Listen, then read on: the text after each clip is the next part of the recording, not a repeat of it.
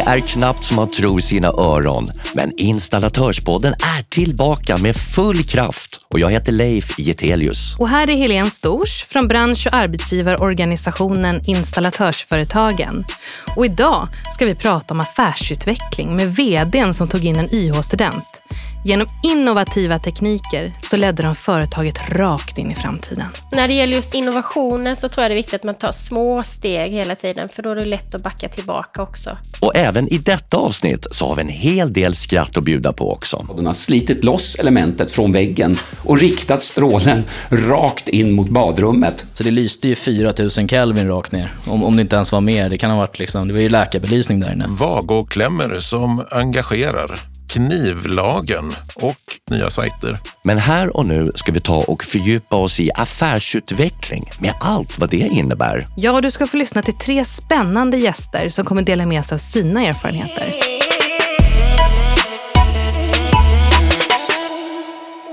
Och de är Emma Elheim Karlsson, VD för den moderna 73-åringen Hallabro El. Under Emmas ledning så har företaget tagit stora skutt in i framtiden och erbjuder numera en arbetsplats med utrymme för både hjärta och hjärna. Välkommen Emma! Tack! Och från Hallabro El hör vi även energitekniker Björn Martinsson som efter sin utbildning vid Yrkeshögskolan tog en praktik hos Emma och tillsammans så har de skapat magi. Hej på dig också! Hej!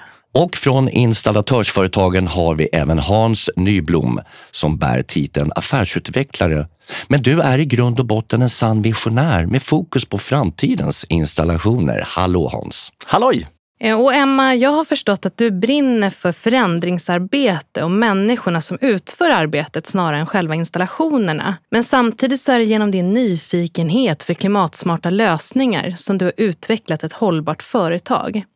Och det får ju mig att känna att du är orädd, men framförallt att du har ett annat sätt att se på teknik och innovationer. Hur tänker du kring det? Tack så mycket. Eh, nej men jag tänker ju att jag själv inte är elektriker, jag är inte utbildad i branschen och kanske att jag har ett annat sätt att se på saker och ting då som gör att jag inte fokuserar kanske så mycket på tekniken utan jag fokuserar på andra saker som jag tycker är viktigt också.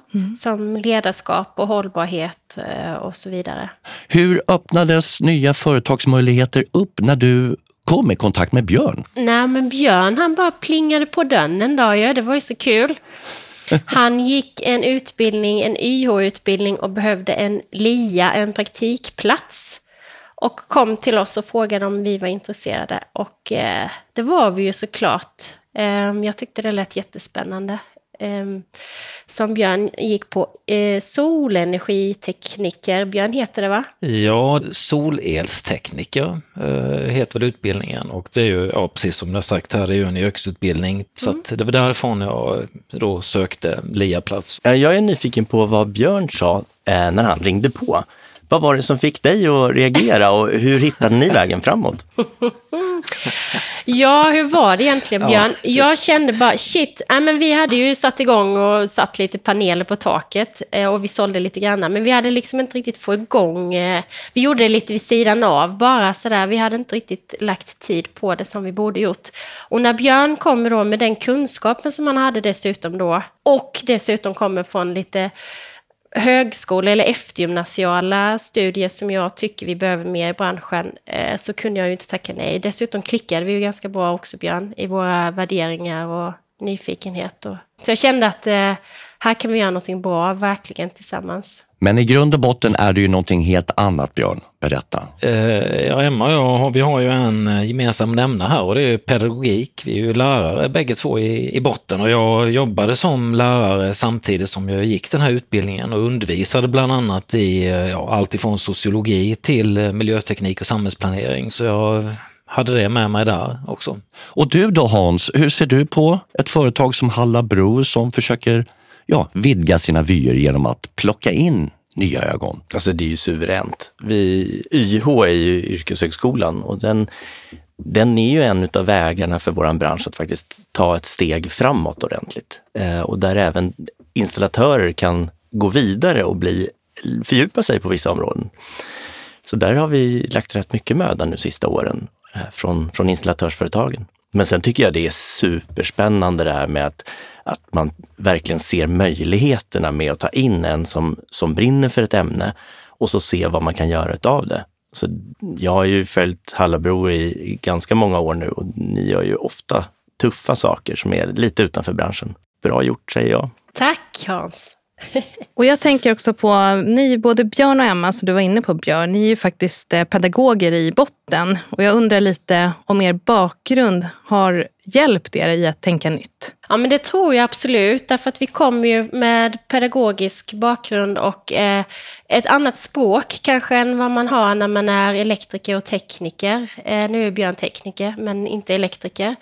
Eh, där vi fokuserar kanske mer på vad kan man göra istället för hur kan man göra så. Det tror jag spelar roll. Plus att vi kanske dessutom ehm, Utgå utgår från, ja men jag utgår ifrån mig själv för att jag kan ju inte tekniken heller då, om jag skulle vara kund, hur jag skulle tänka. Ja, jag, jag kan väl bara fylla på där och det är ju eh, Alltså jag, jag, upplever det som så att man, eh, man ser ju så många saker som vi måste lösa och jag vet vad vi kan göra med tekniken men jag, jag är inte liksom kanske egentligen så intresserad utav eh, ja, utav det fysiska utan de här möjligheterna och samtalen och i, kring det och då behöver man ju pedagogik till exempel. Ja, och utvecklingen och nyfikenheten är väl egentligen det också som vi har gemensamt, Björn, som gör att vi också blir ett winning team, tänker jag. Kan inte ni berätta lite om er affärsmodell Energiberson? Det var ju en av de sakerna som eh, Björn och jag har utvecklat tillsammans. Och egentligen Björn, det var ju din idé från början och sen så har jag hjälpt till att eh, fylla ut det lite. Så du kanske kan berätta Björn? Nej, men man kan väl säga som så här, alltså den här tanken om och konceptet kring energibesår, den, den handlar egentligen om att visa på hur man i liten eller stor skala kan få fram ett eh, effektivt, tryggt, stabilt eh, energisystem som bygger på sol och vind och energilagring. För sätter vi det i det lilla perspektivet eller det stora perspektivet så finns det ett enormt behov. Och det Emma och jag försöker göra här är ju att eh, dels då tillhandahålla lösningen och sen så att kommunicera den möjligheten, för det är en fantastisk möjlighet som man förbiser då. Vi skulle kunna göra så mycket bra och bättre och lösa så många problem om vi anammade det tänket. För jag hävdar att man gör inte det. Och jag går igång på det att det här ska gå. Det är världens möjlighet. Vi måste bara paketera det här på ett vettigt pedagogiskt sätt. Det är väl det som är själva modellen på något sätt då. Sen pratar vi om ja, hållbara affärer och hållbara produkter och eh, och ja, det som Emma brukar prata om, hjärta och hjärna och, och ledarskapet. Och det hänger ihop med energibason också. Fast kanske liksom lite så, det är ju inte prylarna utan det är de mjuka sakerna runt omkring. Det jag kan känna, det är att när vi tittar på de här förnyelsebar energi eller, eller energilagring och man pratar om effektfrågan i elnätet och där kommer ju det här med energilager också in så är det, det är så mycket möjligheter med tekniken. Men vi ser det hela tiden utifrån tekniken och det ni har gjort det är ju liksom att göra just faktiskt en riktig Berså. Så man kan titta på tekniken och göra den tillgänglig. Att, att eh, Svenne Banan kan glida förbi och känna att det här kan ju jag ha hemma i min trädgård. Det är liksom inte någon det är, ingen, det är inte Vattenfall som kommer med en 70-sidig broschyr om hur energisystemet kan förändras, utan det här är liksom det här är tillgängligt. Det här är, det här är precis så. Det är en Berså. Det här kan jag ha hemma i trädgården. Det är ju ett uteshowroom som man kan gå in i, som du säger Hasse. Och där kan man ju också se alla komponenterna då, tillsammans eller var för sig. Och det som var fint med att göra det också var ju att vi fick ju själva prova alla grejerna som vi säljer också. Så att vi fick ju enorm kunskap internt med, som vi sen också haft internutbildningar på, vad vi ska göra och inte göra. Eh, och det var ju också fantastiskt i sig. Hur många anställda har ni? 75 eh, på Hallabo Elektriska och 90 tillsammans med vårt dotterbolag. Det är klart det blir svårt att köra en internutbildning på en kunds anläggning då. Mm, det är ju lättare att ha ett eget. Och vi vill ju även liksom hänga på och bygga på grejer allt eftersom också. Ja, för det är det jag tänker. Vad är nästa steg för er visionärer? Ja, det, det fina med det här det är ju att eh, liksom en grundläggande tanke är ju att det vi gör ska vara skalbart. Eh, för ska det fungera i, precis som du sa innan där med alltså, det, ska, det är som att gå in i en trädgård fast egentligen så är det en fiffig energilösning det här.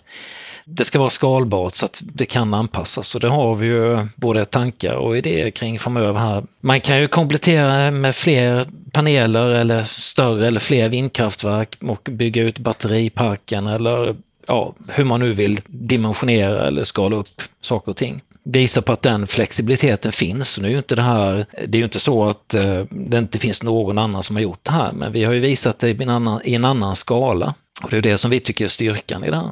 Det är som du sa, det är inte Vattenfall som kommer leverera det här, utan det är faktiskt en liten lokal, regional eh, elfirma som fixar biffen. Med tanke på läget runt om, finns det ett digitalt showroom för tillfället? Nej, bra idé där. Nej, det har vi inte. Då så, då har ni ytterligare ett ben att implementera här inom kort. Exakt. Nej, men jag tänker lite på när eh, det här fönstret för de nya affärerna öppnades upp eh, och ni såg varandra och så tog ni liksom från att det blev någonting ni pratade om till att det faktiskt blev en verklighet. Där tror jag att det är många som fastnar, men för er så gick det verkligen hela vägen. Hur, hur tog ni det steget? Ja, men det var lite galenpanna faktiskt från början, det var det. Eh, och eh, det är ju faktiskt, eh, ja men det är en ganska homogen grupp som vi jobbar med, så ibland kan det vara svårt när det är nya idéer och eh, kanske inte när man håller sig inom de traditionella ramarna. Så att vi fick gå försiktigt fram. Så att eh, tanken från början var lite försiktigt ett vindkraftverk, eller hur Björn? Och lite solpaneler. Ja. Så ni skulle börja småskaligt då och sen så byggde ni vidare på så det blev större och större? Egentligen tror jag att jag och Björn hade nog klart för oss vad vi ville, men vi kanske inte la fram det så till de som bestämmer tillsammans med oss. Eh, Man kan väl säga att det är väl just det som är grundbulten, alltså att börja. Vi vill visa på någonting som faktiskt utifrån både prislapp och teknik är möjligt att börja bygga på och sen så sen kan du anpassa det uppåt efter eh, behov och efter plånbok. Det är ju det som är hela tricket någonstans för att vi, som alla andra tekniska lösningar så, så är det så lätt annars att man låser fast sig vid en lösning. Det är ju det, det, är det vi måste komma bort ifrån, utan här, här är det flera lösningar. Alltså det handlar ju om att skapa en väv utav teknik. Vi, vi har sett innan våra stora system hur eh, hur knepigt det är. Vi behöver eh, mindre sårbara system som kan byggas uppåt för allas plånböcker. När det gäller just innovationer så tror jag det är viktigt att man tar små steg hela tiden, för då är det lätt att backa tillbaka också. Mm. Eh, för man stöter på problem hela tiden. Jag tänker på, med anledning du frågade Helene där med utvecklingen, hur vi tar det vidare. Mm. Solceller är ju en fantastisk möjlighet för, för installatörer och där har Elsäkerhetsverket varit supertydliga med att det är bara elinstallatörer som får sätta upp dem och som får koppla in dem. Det, där har vi liksom en helt otrolig marknad och den växer ju något fenomenalt. Vad är det, 60-70 procent om året i tillväxt. Jag menar, det blir, det är jätte, jättemycket. Och det är klart att den syns ju och den har vi fått rätt mycket, ska vi säga, det är många som erbjuder den ändå, även om det skulle kunna vara så många fler. Men vindkraftverk tyckte jag var lite spännande, för det är ingenting som man ser jätteofta. Hur kom ni in på det? Och hur har det funkat? Vi vill ha någonting som täcker liksom även när solen inte skiner och att vi vill ha, egentligen vår, vår dröm är ju att bli off-grid, eller hur Björn? Så är det ju. Ja, det finns ju liksom stora och små vindkraftverk och i, i, bland folk i allmänhet eh, så när vi diskuterar vindkraftverk så tänker väl de flesta på enorma, vi pratar alltså om megawatt vindkraftverk. Eh, vindkraftverk som oavsett vad man tycker om vindkraft, det är ju ett, det är ett påtagligt ingrepp oavsett om man är för eller emot. Och här, vår tanke med vindkraftverken här, det är ju att det ska fylla ut. När inte solen skiner så blåser det oftast och tvärtom. Och I kombination med batteri så, så kan du alltid se till så att du, du kan balansera upp det. det. det. finns ett jättefint ord för det här som man använder i tekniksammanhang, kovarians, alltså samvariation. Och det är det som den här tekniken egentligen bygger på. Att skapa marginalel med hjälp av bygglovsfria vindkraftverk, till exempel. Hur ser typkunden ut för er då? Ja, där finns det ju en intressant sak som, som vi har märkt och som i varje fall inte jag förväntade mig. Om man tittar på dem, och nu pratar jag framförallt alltså solenergianläggningar, eh, så kan man väl säga att de kunderna jag har mött sedan jag startade här är i nio av tio fall så är de 60 plus. Är inte så särskilt bekymrad om vad det kostar eh, och de eh, yngre eh, stöter man inte lika ofta på. Det är väldigt märkligt egentligen, för det borde vara precis tvärtom. Mm. Det borde vara två trebarns unga familjen med nya villan som stod där och som ville upp anläggningen, men jag tror det sitter i alltså det där med pengarna, trots att det är väldigt lite pengar om man tänker på vad en villa kostar till exempel. Problemet är ju att, att folk fattar inte att det är en tillgång med solceller. Att det, liksom, det är gratis. Det kostar inga pengar. Du får, idag är det åtskilliga långivare som ger fantastisk ränta om du lånar för att sätta upp solceller. Du kan till och med sänka räntan på hela villalånet genom att sätta upp solceller. Och menar, vi pratar om dryga 1 i ränta och avkastningen på solcellsanläggning säger ju Energimyndigheten ligger någonstans mellan 7 och 9 procent. Så du får så här, minimum 5% om året på det du investerar. Så för guds skull, investera mycket. Köp en stor anläggning, för det är bara lönsamt. Alltså hur, att inte det kan slå. Och det här är ju det, vi pratar om energislag och vind och sol och så här. Ja, fast det är ju sånt som människor inte behöver veta. Utan du kan få pengar av oss. Skulle du vara intresserad av det? Mm. Mm. Det är ju där vi står idag. Det är helt sjukt. Och jag tycker ni har gjort en sån himla bra grej med den här energibersån där ni tittar just ur kundens perspektiv. För det här handlar ju om att de kan gå och se på sakerna på riktigt. De behöver inte få en broschyr och gissa, utan de kan verkligen gå och klämma på prylarna och känna att det här skulle kunna sitta hemma hos mig. Och sen kommer nästa fråga. Ja, men vad finns det för något mer vi behöver då? Visst har ni eh, byggt vidare på det där med något helhetskoncept? Någon carport? Ja, det är ju faktiskt ett lokalt samarbete som vi har tillsammans med en industri, eh, ett industriföretag här i Tingsryd som själva gör en carport som de vill sälja tillsammans med oss med paneler i som vi får installera. Och det är ju häftigt för det hänger ihop med vårt hållbarhetstänk också att vi vill agera lokalt så de har paneler i carporten från början? Nej, vi lägger i panelerna åt dem och installerar dem. Så att de, det kommer eh, tomt helt enkelt, inget tak. Och sen så har ju vi varit, uh, står ju vi för den andra delen, så att säga, lämpliga paneler och ja, elen som krävs här då runt omkring för att koppla upp mot, i det här fallet in mot ett teknikhus där växelriktaren för Alltså den som gör om likström till växelström finns. Den sitter ju inte på carporten utan vad man kan hänga på carporten skulle till exempel kunna vara en laddare då till elbilen. Mm. Detsamma gäller Teknikhuset också då, där vi har all tekniken i. Också lokalt från företaget Holtab här, som vi också samarbetar ihop med väldigt mycket på andra områden också. Så då har ni färdigt koncept till kunderna? Liksom. Absolut. Coolt. Mm. Mm. Det är bra. Det tror jag är, det är nyckeln till framgång, så att det blir lätt att välja. Jag tackar Björn, Emma och Hans för att ni eh, dök upp i Installatörspodden. Tack. Tack så hemskt mycket. Tack. Mm, tack. Då är stunden kommen för en summering av vad som händer i branschen och vad man pratar om just nu. Och Fredrik Karlsson, som är chefredaktör för branschtidningarna VVS-forum och Elinstallatören, ska nu ge oss tre snabba. Nummer ett. Vagoklämmer. Ett populärt märke för anslutningsklämmor vi skrev om vagoklämmor som brinner för några år sedan. Och nyligen rapporterade vi om importerade falska vagoklämmor som rörde upp känslor. Och nu så är det Shams Mahmouds extremt uppmärksammade bild på en helt galen koppling där det tidigare suttit en tvättmaskin. Vad är det med dessa vagoklämmor som gör att de engagerar så? Nummer två. Knivlagen.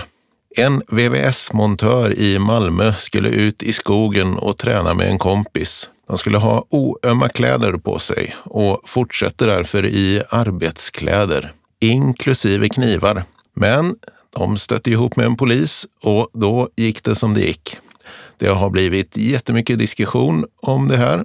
En diskussion som jag tycker lite går vilse. Jag tycker i och för sig då att man alltid byter om efter ett hantverkarjobb. Men om man ändå ska använda samma kläder, arbetskläderna, till att också shoppa i eller träna i, då lämnar man kvar knivarna hemma eller i bilen. Det kan man lära sig av den här historien. Nummer tre. Elinstallatören och VVS Forums nya sajter Ja, jag tycker i alla fall att man borde snacka om dem. Vi har byggt om. Det är snyggt, snabbt och bra visningar i mobilen. Snart är också inloggningen på plats och vi får ett innehåll ännu närmare läsarna. Missa inte det. Nu så är det dags för medlemsfrågan. Ja, som ska besvaras av Henrik Jonsell som är chef för avdelningen arbetsmarknad på installatörsföretagen. Välkommen hit. Tackar. När vi pratar om utveckling och innovationer som på olika sätt involverar företagets medarbetare så kan det ju dyka upp lite funderingar som inte alltid är så lätta att tackla. Så frågan lyder, hur kan jag som företagare försäkra mig om att mina medarbetare inte går till en konkurrent med all information om våra pågående kunder och projekt? Ja, eh, den frågan är ganska vanligt förekommande att vi får. Just det där med att man tar med sig kritisk information till eh, konkurrenter. Eh, och då kan vi konstatera att redan som en del i anställningen finns en långgående så kallad lojalitetsplikt. Lojalitetsplikten betraktas som en naturlig del av anställningsavtalen även om det inte nämns särskilt i själva avtalet. Och det här har Arbetsdomstolen, som är den högsta domstolen när det gäller tvister mellan arbetsgivare och arbetstagare. De har slagit fast att plikten gäller även om det inte uttryckligen står i anställningsavtalet. Den här gäller under hela anställningstiden, också efter arbetstid och även under eh, uppsägningstid. Det innebär att en arbetstagare får inte förbereda eller starta upp en konkurrerande verksamhet under sin anställning hos arbetsgivaren. Eh, det har ett, ett par rättsfall de senaste åren som på krav på skadestånd för brott mot lojalitetsplikten och då ofta i samband med även lagen om företagshemligheter och att man har startat ett företag illojalt eh, sätt och tagit över kunder. Och den här lagen om företagshemligheter den finns som ett skydd för känslig information som avslöjas eh, kan innebära en skada för företaget. Ett typexempel på sådan information det är att eh, man skickar mejl med företagshemligheter till sin egen privata mejl eller att man sparar upp den på något, på något eh, privat lagringsmedia och sen använder man den här informationen när man har slutat på företaget. Och det kan vara ett lagbrott. Och den här frågan har prövats rättsligt eh, ett antal gånger och om domstolen finner att det är ett brott mot lojalitetsplikten så kan det innebära högt skadeståndsbelopp. Och på senare år har ett ökat antal ärenden i Arbetsdomstolen kommit upp. Och tidigare anställda har fått i eh, vissa fall mångmiljonbelopp i skadestånd. Och jag har en känsla av att eh, både arbetsgivare och arbetstagare emellanåt underskattar hur stark den här lojalitetsplikten är. Tänk till en extra gång så att det inte är någonting som går snett där ute. Henrik, tack för att du var med. Tack så mycket. En sak är säker och det är att ute hos installatörerna händer det lustiga saker som vi andra inte har en aning om. Inte så kul när det inträffade, men oerhört underhållande så här i efterhand. Det är dags för programpunkten Oj, vad hände där? Med VVS-montören och medlemmen Mikael Alin på Rörmokaren i Solna. Ja, det var faktiskt en eh, familj som ringde och sa att eh, deras element hade börjat läcka helt plötsligt. Och eh, då ryckte jag ut såklart, för det är inte bra, det kan ju bli vattenskador. Och när jag kommer på plats så visade det sig att det hade börjat läcka ur luftnippen och de hade helt sonika då för att begränsa skadorna slitit loss elementet från väggen och riktat strålen rakt in mot badrummet. Så det sprutade där i en stråle rakt in i badrummet. Så jag tätade läckan och så var det fixat och klart och satte tillbaka elementet. Gjorde de rätt? Var det smart? Ska man göra så om det händer? Ja, det var väl smart och rådigt. Det var väl lite jobb att få tillbaka elementet. Det jag brukar säga eh, när någon ringer och säger att det sprutar vatten, det är att leta rätt på dammsugarslangen till dammsugaren och försöka använda den som ett rör och leda bort vattnet. Ut genom fönstret eller ner i badrummet eller diskhon eller vad det nu kan vara. Oj, vad hände där? Frågade jag även Jack Vilund, elkonstruktör på Tjuren Arkitekter. Och då tänkte jag berätta om ett eh, café som jag byggde, där det var väldigt mycket tidspress som det är i de flesta projekten. Och på det där kaféet så skulle de ha en invigningsfest vid öppning. Och till den invigningsfesten där skulle de bjuda in massa hedersgäster och det var ägare från Kina som skulle flygas in och det var snittar och det var bubbel och det var allt möjligt. Och i det pressade läget så måste man ju hjälpa till på alla plan. Du kan inte gå och vänta på att någon sätter dit en soffa så att du kan göra dina elgrejer, utan du behöver hjälpa till hela tiden för att få dina elgrejer gjorda. Det finns liksom inget utrymme för lunch, det finns inget utrymme för att åka hem. Vi hade riktigt bråttom med att få det där klart. Och sista dagen, strax innan invigning, då fick jag lägga mig under sofforna och koppla in uttag. För på kaféer idag så är det ju så att folk kommer inte dit för att dricka en kaffe. Folk kommer ju dit för att ladda telefonen medan de dricker en kaffe. Annars går de därifrån med en ta med-kopp. Och typiskt nog så var det ju en glasdörr där, mitt i allt, som skilde kön från kaféet. Så de såg ju allting vi gjorde där inne under tiden. Och det här var ju cirka 20 minuter innan öppning, så där ligger jag som en skalbagge på rygg.